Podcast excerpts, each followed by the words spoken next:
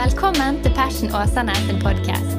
Vi er en ung og levende kirke i Åsane bydel i Bergen som ønsker å lede mennesker til lidenskapelig tro og overgivelse til Jesus, kirken og oppdraget. Takk for at du lytter til vår podkast, og vi håper du blir oppmuntret og utfordret i din etterfølgelse av Jesus.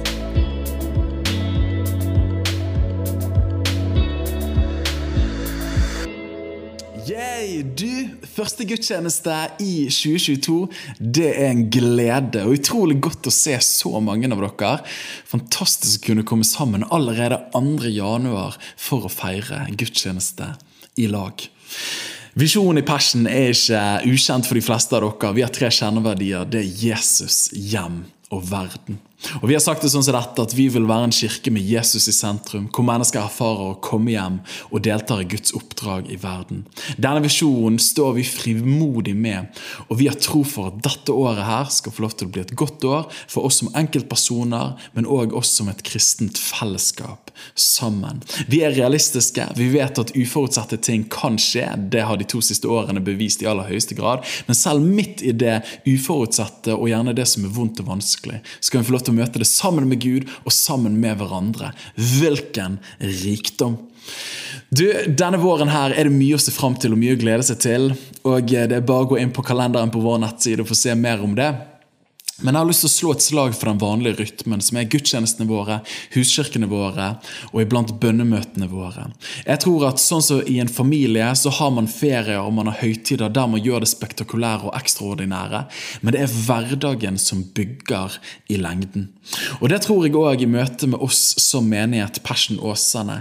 Så tror jeg at det som former oss lik Jesus og gjør oss mer og mer til disipler og etterfølger av Han, nemlig det å være med Jesus, bli som Jesus og gjøre som Jesus, ikke først og fremst er um, de heftige vikene, pardager eller passiondager eller en eller annen gig, men jeg tror det først og fremst er de ukentlige rytmene som uke for uke, dag for dag og i løpet av årenes gang er med å forme Jesus i oss enda mer. Så jeg har lyst til å slå et slag for den vanlige rytmen. Prioriter det å være plantet i Guds hus. For det er en av de største velsignelsene som vi kan ha i livene våre. Og jeg tror at det betyr mer ja, faktisk for hver og en av oss enn det vi kanskje er klar over sjøl.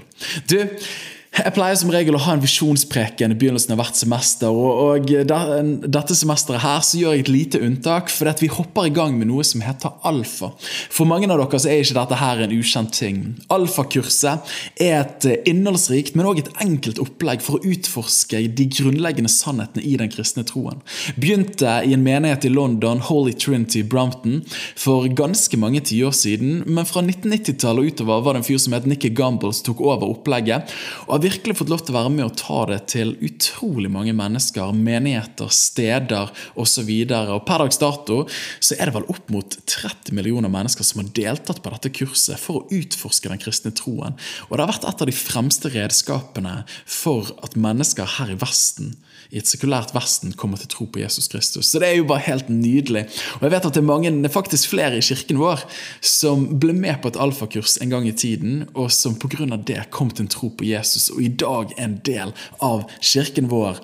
Og det er jo bare utrolig takknemlig for. Og hvorfor, Daniel, gjør vi da alfa? Altså, du pleier jo å ha dine vanlige prekenserier, og de syns vi er knallbra. Håper jeg at dere syns. Men du, Det er egentlig tre grunner som jeg har lyst til å løfte opp. Det første er å styrke fundamentet for de av oss som allerede tror. Min erfaring både som pastor og predikant og når jeg har reist rundt mye de siste årene, er at eh, til min store sorg så er ofte de grunnleggende sannhetene i den kristne troen ganske ukjent for mange som gjerne går i menighet, som går i en huskirke, som går på gudstjenester, men faktisk ikke har helt grepet de grunnleggende sannhetene.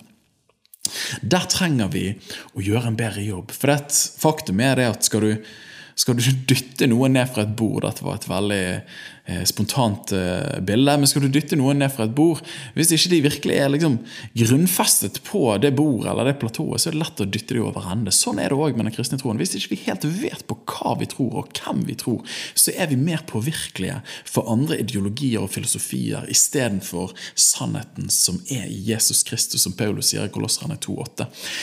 Men mer enn å styrke fundamentet, så ønsker vi òg å øke forståelsen til de som ennå ikke tror om hva den kristne troen faktisk handler om. Hvis du kommer her på gudstjeneste, hvis du er en del av huskirken vår, eller bare lytter inn på podcast, Vi ønsker at den kristne troen skal bli mer forståelig for deg, sånn at du kan ta opplyst, en opplyst avgjørelse for om du ønsker å, å, slutte deg til og bli en disippel av Jesus, eller om du tenker at dette er ikke noe for meg. Og For det tredje så ønsker vi å trene oss som allerede tror, i formidlingen av vår tro.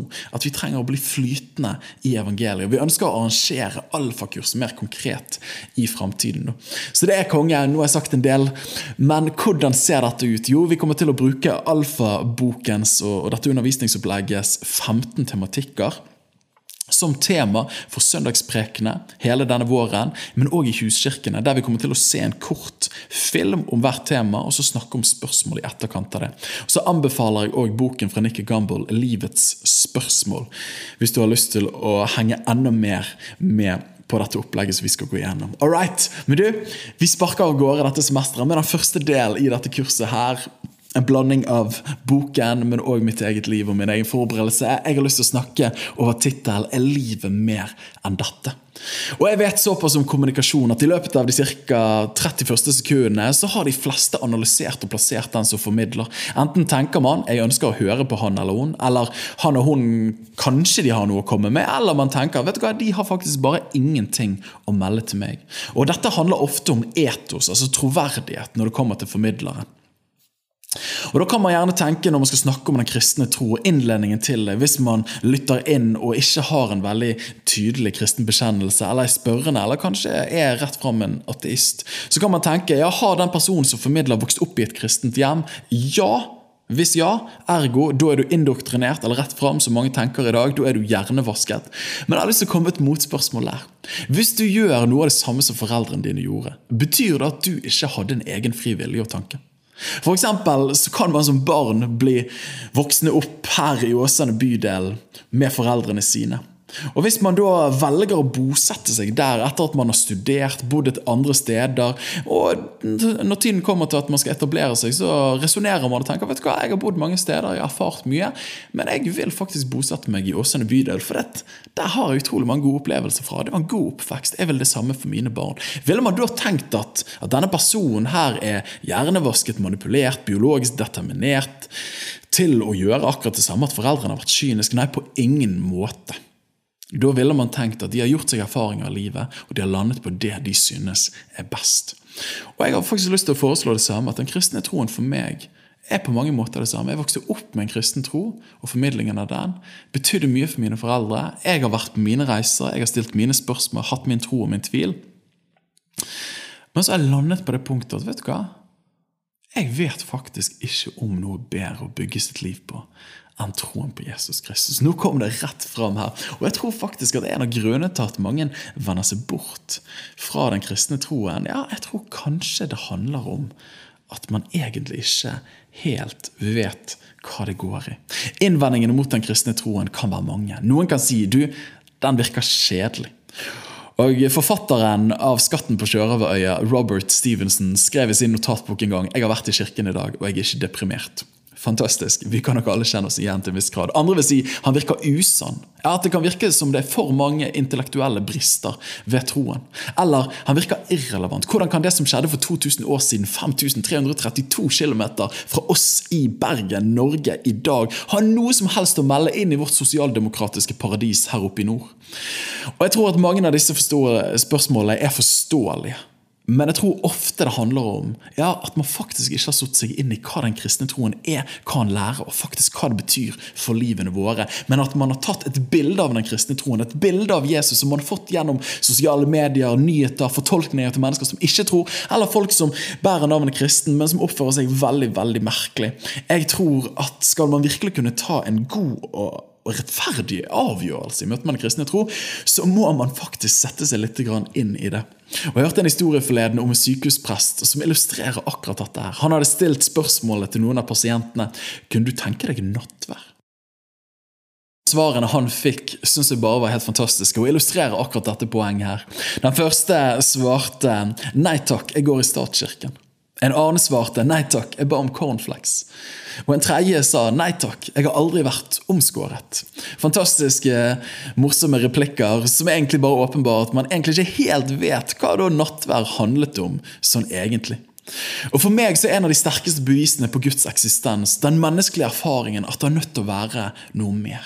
Den kjente filosofen og apologeten William Lane Craig har kalt mennesket, sammen med flere, vil jeg tro, the cosmic orphan, eller den kosmiske foreldreløse. Ja, for har du noen gang sett en hund eller en katt uh, ule ute om natten, bjaue om natten, bjeffe om natten og liksom spørre hvor kommer jeg fra? Hva er meningen med mitt liv? Hvorfor er tilværelsen sånn som den er? Nei, ingen andre skapninger eller vesener stiller seg det spørsmålet, men bare vi mennesker. Vi erfarer da på sett og vis en hjemlengsel som vi alle prøver å finne svar på på et eller annet vis. Barack Obama i sin bok 'Mot til å håpe' så beskriver han noe av sin reise mot en, en sterkere kristen tro. Han sier eh, der i boken at hver dag virker det som om tusenvis av amerikanere driver med sine daglige gjøremål. Ja, de setter av barna ved skolen, kjører til kontoret, løper i et forretningsmøte, handler inn på kjøpesenteret, forsøker å holde dietten. Og så oppdager de at det er noe som mangler. De kommer til at arbeidet, eiendeler, adelspredelsen og selve travelheten ikke er nok. De vil ha en følelse av målrettethet, en dramatisk kurve i livet, noe som kan dempe den kroniske ensomheten, eller heve de opp over hverdagslivets utmattelse utmattende, nådeløse slit. Ja, De trenger en forsikring om at det er noen der ute som bryr seg om dem, og som hører på dem. Ja, De trenger å få høre at de ikke bare er forutbestemt til å bevege seg bortover en lang motorvei mot intethet. Og jeg tror at Det kristne svaret, men òg min erfaring og millioner med, er at vi tror mennesker er skapt av en skaper. Og før vi har en relasjon til Han, så vil tomheten og hjemlengsel være der. Og som den eldgamle visdomsboken i Det gamle testamentet, Forkynnerens bok, sier, der står det evigheten har Gud lagt ned i menneskets hjerte. Ja, og Når jeg leser dette bibelverset, her, så er det akkurat som det resonnerer i meg. For Uansett hvor mye materielle goder, uansett hvor mange relasjonelle goder du måtte erfare i ditt liv, så er det akkurat som det er en følelse av at det må være noe mer enn dette. Og i den ikoniske britiske avisen The Times kalte for en tid tilbake journalisten Bernard Levin, som døde i 2004, for den mest berømte journalisten i sin levetid. Og Han skrev en gang en artikkel ved navnet 'Livets store gåte og ingen tid til å løse den'. Og Der skriver han at på tross av sin enorme suksess som journalist, så fryktet han at han hadde sløst bort virkeligheten i jakten på en drøm. Han skriver 'Jeg spør rett ut, har jeg tid til å finne ut hvorfor jeg ble født før jeg dør'? Jeg har fortsatt ikke noe svar på det spørsmålet, og uansett hvor mange år som ligger foran meg, er de i undertall i forhold til årene som ligger bak meg. Håper ikke at det er tilfellet for alle oss her inne. Det er åpenbart fare for at jeg utsetter det til det er for seint. Hvorfor må jeg vite hvorfor jeg ble født? Fordi jeg ikke ser meg i stand til å tro at det var ved en tilfeldighet. Og hvis det ikke var en tilfeldighet, så må det ligge en mening bak. Han var ikke religiøs eller kristen, han var en sekulær jøde, tror jeg. Og han skrev en gang for 14 000. gang 'Jeg er ikke kristen'. Men han var klar over sine svars utilstrekkelighet. Og Han skrev noen år tidligere i en annen kronikk så skrev han at menneskene i vår del av verden har alle de materielle godene de kan ønske seg, i tillegg til ikke-materielle goder som familielykke. Og Likevel lever de sine liv i taus og til tider høylytt desperasjon. Og jeg kan ikke forstå annet enn det faktum at de har et hull inni seg. Og uansett hvor mye mat og drikke de tømmer oppi det, uansett hvor mange biler og TV og vi kan gjerne si smarttelefoner og sosiale medier og hei hvor det går, uansett hvor mange balanserte barn og trofaste venner de kan skilte med, så gjør det ondt. Og spørsmålet som vi stiller i begynnelsen av dette semesteret, er er livet mer enn dette? Et av de første bibelversene jeg lærte meg uten at var Johannes 14, 14,6. Der kommer Jesus med en påstand som tråkket, så tråkker det postmoderne mennesket på beina så det holder, for han hevder at noe er sant, noe er eksklusivt, og noe er ikke relativt. Finnes det en større synd i dag, kan man undres over. Han sier rett fram, han sier 'Jeg er veien, sannheten og livet'. Ingen kommer til Faderen uten ved meg. Jesus gjør ja, han gjør det som norsklæreren lærte oss at han snakker i entall, bestemt form entall. Det finnes da bare én vei, én sannhet og ett liv. Og reaksjonene på denne påstanden var nok like oppsiktsvekkende i det første århundret som det var i det 21. Men hvordan skal vi forstå dette utsagnet her? Og Jeg har lyst til å ta de neste minuttene til å bare knekke opp dette her i møte med spørsmålet er livet mer enn dette, som er et spørsmål som mange av oss kjenner banker på innsiden og kan følge oss inn i timene på kvelden når vi skal legge oss, eller timer av stillhet når vi er alene. Det må være mer enn dette. Det må finnes et svar på disse spørsmålene jeg har i livet, eller denne smerten jeg erfarer, eller denne traumen som jeg bærer med meg. Det må være et svar, det må være en mening, det må finnes en eller annen løsning der. Og jeg har lyst til å å peke mot den løsningen som jeg tror er den virkelige løsningen. Nemlig det Jesus sier, at alt er ikke relativt. Det finnes ikke alltid mange svar. Det finnes ett svar med storest, nemlig Han. Og Det første Jesus sa, var at han sa 'Jeg er veien'. Rett fram så tror jeg at Jesus gir oss mennesker retning i en verden som ofte går seg vill. Den russiske forfatteren Leo Tolstoy, mannen bak de kjente verkene 'Krig og fred', Anna Karenina, skrev en gang en bok som han kalte 'En bekjennelse' i 1879, hvor han beskriver sin søken etter mening i livet. Og Som barn så hadde han vendt kristendommen ryggen og hengitt seg til andre veier i livet.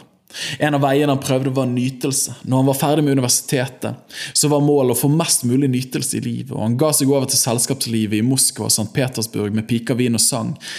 Men etter en stund så måtte han erkjenne at nytelse ikke tilfredsstilte han på dypet så var penger en ting han søkte etter. Han arvet en stor eiendom og tjente enorme summer på bøkene sine. Men selv ikke dette tilfredsstilte han. Ja, suksess. Han søkte suksess, berømmelse, innflytelse. Noe som han oppnådde. Og Enklopedia Britannica beskriver en av hans bøker som en av de to eller tre største romanene i verdenslitteraturen. Ja, Så tenkte han at familie, det må være svaret. Hun giftet seg i 1862 og hadde en god og kjærlig kone samt 13 barn. Han sa sjøl at dette var en effektiv måte å avlede han fra å finne svaret på dette spørsmålet, og som tobarnsfar så tror jeg på han. Han snakker òg om vitenskap og filosofi, at han søkte etter svar for livets mening der. Og han hadde tilsynelatende alt, nådd toppen av prestasjons- og relasjonshierarkiet. Men ett spørsmål drev han nesten til selvmord, og det var finnes det noen mening i mitt liv som ikke vil ødelegges av den uunngåelige død som venter meg. Ja, finnes det en mening i dette livet som jeg kan hengi meg til, og selv når jeg biologisk og kroppslig og naturlig dør, så vil den meningen bestå. Etter å ha leitet lenge, så var det mest tilfredsstillende svaret han kunne komme til, følgende. Ja, hvorfor lever jeg? Jo, i det uendelig store rom, forandres i løpet av en uendelig lang tid, uendelig små partikler i en uendelig kompleksitet. Og Han kom veldig fort til at dette svaret ikke var tilfredsstillende nok, og konstaterte at de fleste av sine samtidige unngikk òg å søke etter svaret på dette spørsmålet. Og Han drev seg som sagt nesten til selvmord over rastløsheten og nøden etter ja, hva er meningen med livet.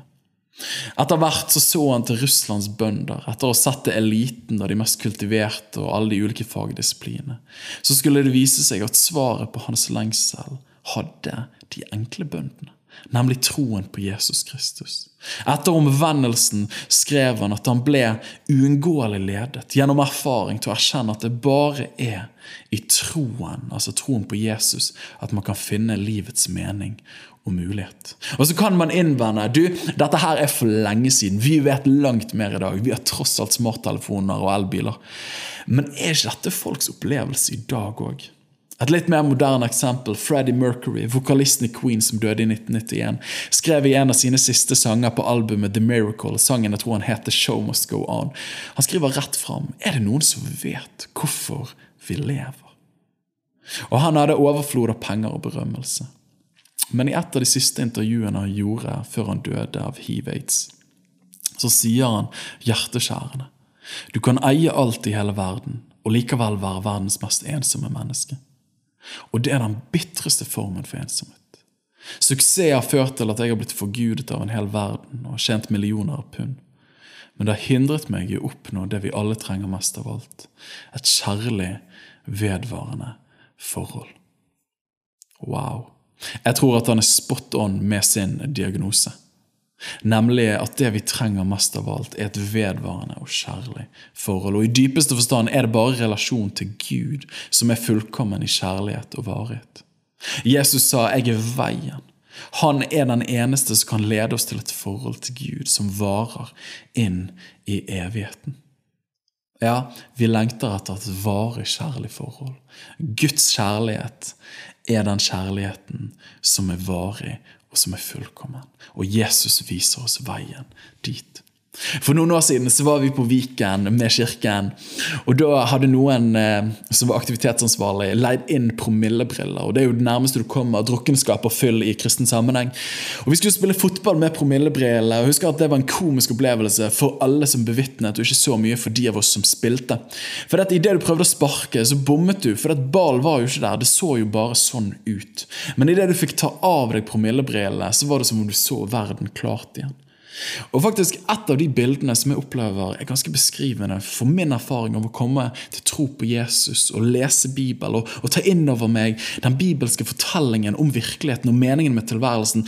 For meg så har det vært å ta av promillebriller der man ikke kunne forstå, der det var tåkete, der det var mange spørsmålstegn. Så var det som om man plutselig så klart.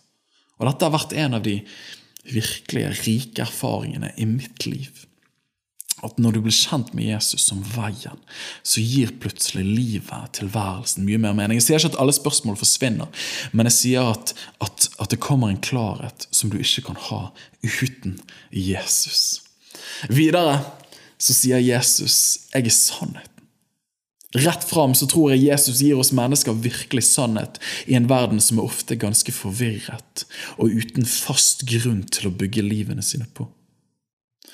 Og så kan man gjerne høre i møte med sannhet så kan gjerne noen si ja, men du, det er ikke så nøye hva du tror på, så lenge du er oppriktig. Men det er mulig å ta oppriktig feil, er det ikke det? Altså Det fremste eksempelet som kommer til min tanke, er jo Hitler. Hans overbevisning tok millioner av mennesker. Det samme kan sies om Stalin, Mao og en haug av andre ideologiske diktatorer. Poenget er at hva vi tror på, er avgjørende. For det at det vi tror på, dikterer hvordan vi lever. Så det å si det er ikke så nøye hva du tror på, så lenge du er oppriktig, det henger jo bare ikke på greip. Eller noen kan si 'flott for deg at du tror på det', men det er ikke for meg. Enhver av oss er salig i, sin egen sannhet. Funker det for deg, så funker det for deg, men det funker ikke for meg. Men dette er jo ingen logisk holdning. Du, vær med meg, da. Altså, Hvis den kristne troen er sann i sine påstander, så er jo han livsviktig for alle og enhver. Hvis han ikke er sann, så er jo ikke det flott for deg hvis du er kristen. Det er jo bare tragisk å si at vi kristne er ført bak lyset og fører andre bak lyset. Da er vi rett og slett bare dum, og så er vi ond på samme tid. Og En av 1900-tallets store intellektuelle kjemper, C.S. Lewis, skrev dette veldig presist. Han sa, han sa at kristendom er en påstand som, hvis den er usann, så er den uten betydning. Men hvis han er sann, så er han av uendelig betydning. Det eneste han ikke kan være, er sånn passe viktig. Å, det er bra sagt, altså! Sånn passe viktig. Og Dette her utfordrer oss. For vi trenger da å virkelig ta stilling til den kristne troen. Ja, for Hvis den er sann, så har det implikasjoner for hele livet vårt. Men hvis den ikke er sann, så kan vi ta og legge det bort. Spørsmålet blir da er den kristne troen sann, og finnes det beviser som underbygger Jesu påstand om å være sannheten. Og Det finnes mange beviser, og ikke minst kjernen i den kristne troverdighet, nemlig Jesu oppstandelse fra de døde. Og Vi skal snakke mye mer om dette i de påfølgende månedene i denne temabolken, dette alfatemaet som vi kjører denne våren her. Og så kan man av og til tenke i vår postmoderne tid at, eh, at ja, det er jo ikke mulig å, å, å, tro på Jesus og samtidig være intellektuelt opplyst. Eller det er bare folk som deg, Daniel, som har P-matte, men folk som har R-matte, og som er litt smartere og har kontroll på liksom, naturfagdisiplinene, eh, de kan ikke tro på dette her. Men vet du hva? Det er en litt sånn her moderne myte. Visste du at noen av de fremste vestlige filosofene som vi er glad i, var kristne? Jeg sier ikke at alt de kom fram til, var rett, men de hadde en kristen tro i bunn. Thomas Aquinas, Descartes, Locke, Pascal, Leibniz, Kant Dypt troende mennesker, flere av dem. Og moderne og vitenskapsfolk Galileo, Copernicus, Kaplan, Newton, Mendel, Pasteur Maxwell. Dette var jo mennesker som hadde en dyp tro på Gud, og som ikke så på det som en motsetning, det å ha et skarpt hode og samtidig kunne ha et brennende hjerte for Jesus. Men i møte med når Jesus sier 'jeg er sannheten', så det hebraiske ordet, eller det greske ordet som benyttes er, om sannhet, kan det òg oversettes med virkelighet. Og Jesus sier da i Johannes 8,32 dere skal kjenne sannheten, og sannheten skal sette dere fri. Egentlig sier han dere skal kjenne virkeligheten, og virkeligheten skal være med og sette dere fri. Så det er det som er fantastisk med den kristne troen, og når man blir utfordret på om man har lyst til å, å gi seg inn til å være en etterfølger av Jesus så handler ikke det bare om at man skal omfavne et sett med intellektuelle sannheter, men at man skal få lov til å erfare at Jesus er sannhet i livet. Et bilde som jeg har brukt ofte, er jo, som dere kan se her et bilde fra 9. klasse. Det er elevboken på ungdomsskolen. Jeg og Helene var plassert siden av, ved siden av hverandre eh, pga. at vi hadde likt etternavn. Da visste jeg en del ting om Helene. Jeg visste navnet hennes, visste hvor gammel hun var osv. Men dette bildet som var tatt nå i høst, etter en mastergrad i ekteskapet, rett over fem år, så vet jeg langt mer om hun. Og På samme måte er det med den kristne troen. Det er ikke bare kunnskap med hodet, sånn som jeg hadde om Helene i 9. klasse, men det er kunnskap med hjertet, fra livet, erfaring, virkelighet. Sånn som jeg har nå etter en god mastergrad i ekteskap med Helene, som har vært en fornøyelse. Så Jesus er sannheten. Og da er ikke bare en objektiv sannhet, men òg en subjektiv erfaring som du kan få lov til å ha i livet. Og Videre så sier Jesus til slutt 'Jeg er livet'. Rett fram så tror jeg at Jesus viser, men òg er den som gir liv i en verden preget av mørke og ondskap. Og Det kristne perspektivet har alltid vært at mennesker er skapt i Guds bilde. Derfor har det en uendelig ukrenkelig verdi hvert eneste menneske. Og Denne overbevisningen har vært drivkraften bak mange av de siste århundrers store sosiale reformatorer som William Wilberforce, Marthin Luther King jr. og Desmond Tutu, som gikk vel bort denne uken her. Men på samme tid så er det en annen faktor ved ethvert menneske, som den russiske nobelprisvinnende forfatteren Aleksander og nå må jeg holde med fast Aleksander Solzjenitsyn, vanskelig å uttale de etternavnene der, som faktisk ble en kristen i eksil borte fra Sovjetunionen. Men han sa en gang at skillet mellom godt og ondt går ikke mellom land, ikke mellom klasser eller mellom politiske partier, men tvers igjennom alle menneskehjerter. Så dette, den kristne fortellingen om mennesket holder opp på den ene siden at mennesket er skapt i Guds bilde og har en ukrenkelig verdi.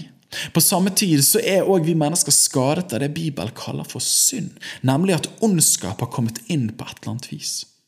Og jeg personlig jeg ser ikke på meg sjøl som en pøbel og kan ikke flaske opp med en tårevåt omvendelseshistorie til alle dere, men jeg ser på meg sjøl som en jevnt over all right type. Og De fleste av oss kjenner oss som snille folk, men sammenlignet med Jesu liv og den standard vi møter i Bibelen, så kommer vi til kort, og vi trenger tilgivelse. Fordi vi vet at det er en del ting i våre liv, i våre tanker, våre følelser, våre handlinger, våre ord, som ikke helt er på linje med det Bibelboken løfter opp. Og Den kjente humanisten syntes det var fascinerende. Marginata Lasky sa noe overraskende i en TV-debatt med en kristen en gang. Da sa hun det jeg misunner dere kristne, er tilgivelsen. Jeg har ingen til å tilgi meg. Er ikke det sterkt? Jeg har ingen til å tilgi meg. For Hvis ikke du lever med en, en bibelsk forståelse av mennesket, så har jo ikke vi gjort noe som heter synd. Men da har vi hatt en svakhet, vi har gjort en feiltagelse, vi hadde ugunstige forutsetninger i livet eller strukturell urettferdighet som var det stedet vi kom fra. Så vi må alltid skylde, vi må alltid bortforklare. Men den kristne fortellingen er bare kjempetydelig, der man erkjenner at man kommer til kort. Men det er bare når du erkjenner din synd, at du kan også få lov til å erfare og bli tilgitt. Jeg syns det hjertesukket fra hun treffer. Og Den kristne troen i et nøtteskall er da at når Jesus døde på korset i kjærlighet til oss, så gjorde han opp for all vår synd, da òg vår skyld og vår skam, sånn at vi kunne leve et liv med mening og virkelighet her og nå. Men enda mer så overvant han døden og gir oss evig liv gjennom relasjon med Han. Dette er liv i overflod, og ikke en depressiv og livsfornektende tilværelse. Og til slutt her teologen og professoren Paul Tillish. Etter årevis med studier så hadde han kokt ned til at han trodde at vi mennesker fryktet tre hovedting. Det første var frykt for skyld. Så var det frykt for meningsløshet. Så var det frykten for døden.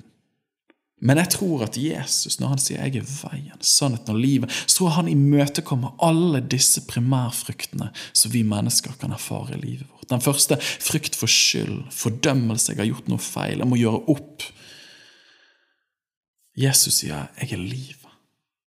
Han tar vår skyld, sånn at vi får hans skyldfrihet.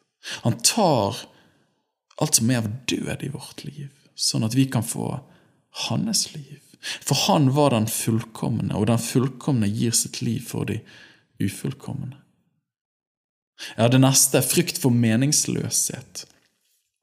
Opplevelsen av å leve et, et nihilistisk liv uten mening det er jo noe av det som skaper depresjon og, og, og fortvilelse for veldig mange mennesker. Jesus sier 'jeg er veien, jeg er sannheten'. Så midt i, i en erfart meningsløshet kan Jesus få komme inn og peke ut en vei, lede til en sannhet som gir en himmel over livet, som gir en mening i tilværelsen utover vår biologiske levetid, går inn i en evighet. Og den tredje, frykt for døden. Jesus sier 'jeg er livet'. Og som eh, Jesus sier i Johannes 11, at, at den som lever og tror på meg, skal aldri evighet dø. Ja, kroppen vår skal begraves en gang, men vårt indre, vårt liv, vil fortsette med Gud i evighet. Jesus imøtekommer alle disse tre direkte når han sier 'Jeg er veien, sannheten og livet'.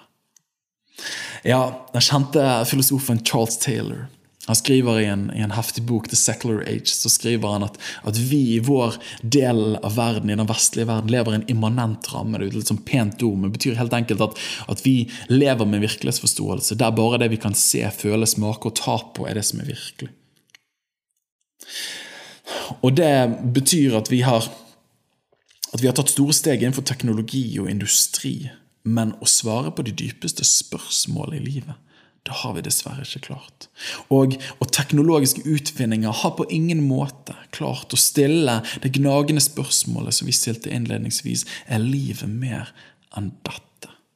Ja, Uansett hvor mange iPhoner og biler, uansett hvor mye velstand, uansett hvor flott hus, uansett hvor godt ekteskap, uansett hvor mange prektige barn du måtte ha, uansett hva din situasjon måtte være, vår menneskelige oppfinnsomhet klarer aldri å tilfredsstille disse spørsmålene på dypet. For å sitere C.S. Lewis igjen, han sier det så presist. Han sier at if we find ourselves with a desire that nothing in this world can satisfy, the most probable explanation is that we were made for another world. Åh, åh det treffer! Når vi har et behov etter tørst, når vi er tørst, så har vi et behov etter vann. Det finnes, det finnes noe som kan tilfredsstille lengsel etter vann. Når vi er sultne, så finnes det mat som kan tilfredsstille det behovet. Men når vi kjenner en lengsel etter å komme hjem, ja, hva er meningen med livet? Så klarer vi tilsynelatende, rent materialistisk, menneskelig sett, å ikke finne svar som tilfredsstiller på dypet og lar oss lande i livet. Hva er grunnen til det? Jo, som han sier, da må det være fordi vi er skapt for en annen verden. Ja, og jeg har lyst til å si fordi at vi er skapt for vår skaper. Er livet mer enn dette? Ja, det er det. Og hans navn er Jesus. En av historiens mest kjente menn, Augustin, var en stor kristen tenker og preget mye av våre vestlige akademier. Og han vendte ryggen til den kristne troen i ung alder og ville ikke ha noe med den, hvis du husker faktaene rett. Men etter å ha prøvd mye forskjellig og ulike mysterier i religioner, så kommer han til det punkt at, at han finner bare meningen med livet og med tilværelsen og evigheten i troen på Jesus Kristus. Og Han skriver òg en bok som heter Bekjennelser. Og Der sier han du har skapt oss for deg. Altså, Gud du har skapt oss for deg, og vårt hjerte er urolig inntil det finner hvile i deg. Jesus er da veien, sannheten og livet, som leder hjem til Far. Din hjemlengsel kommer fra et sted. Og når det ikke er noe på denne jorden som kan tilfredsstille den, så tror jeg at han peker mot det himmelske. Og din og min himmelske far står med åpne armer til hver og en av oss og sier velkommen hjem. Og hvis du er her i dag, og når du hører disse ordene, enten her i sal eller på podkast, og du kjenner vet du hva, jeg trenger å komme hjem. Jeg, jeg har lyst til å, å, gi mitt liv til Jesus. Ta et skritt nærmere Han og si Jesus, jeg vil at du skal bli min vei. Jeg vil at du skal bli min sannhet. Jeg vil at du skal bli mitt liv. Hvis det er deg, så vær med meg i denne helt enkle bønnen om å få lov til å komme hjem til Gud. Og Han er aldri lenger borte enn en bønn bedt fra et oppriktig hjerte. La oss be sammen. Jesus, takk for at du sa at du er veien sannheten og livet. Jesus, du ser at jeg lengter. Jeg stiller spørsmålet er livet mer enn dette. Ja, hva er meningen med tilværelsen? Hvorfor kjenner jeg på en hjemlengsel, men jeg vet ikke hvor hjemme er? Jesus, i dag så sier jeg til deg, Jesus, led meg hjem. Jesus, jeg har lyst til å begynne å følge deg og begynne å tro på deg fra i dag av. La meg få lov til å komme hjem. Amen. Takk for at du lyttet til vår podkast. Hvis du synes den var bra, så del den gjerne med noen flere. Vil du vite mer om hvem vi er, hva som skjer, og kanskje besøke en av våre gudstjenester, se vår nye hjemmeside på fashionåsane.no, eller følg oss på sosiale medier. Helt til slutt, ta imot Herrens velsignelse. Herren velsigne deg og bevare deg. Herren la sitt ansikt lyse over deg og være deg nådig. Herren løfter sitt åsyn på deg og gir deg.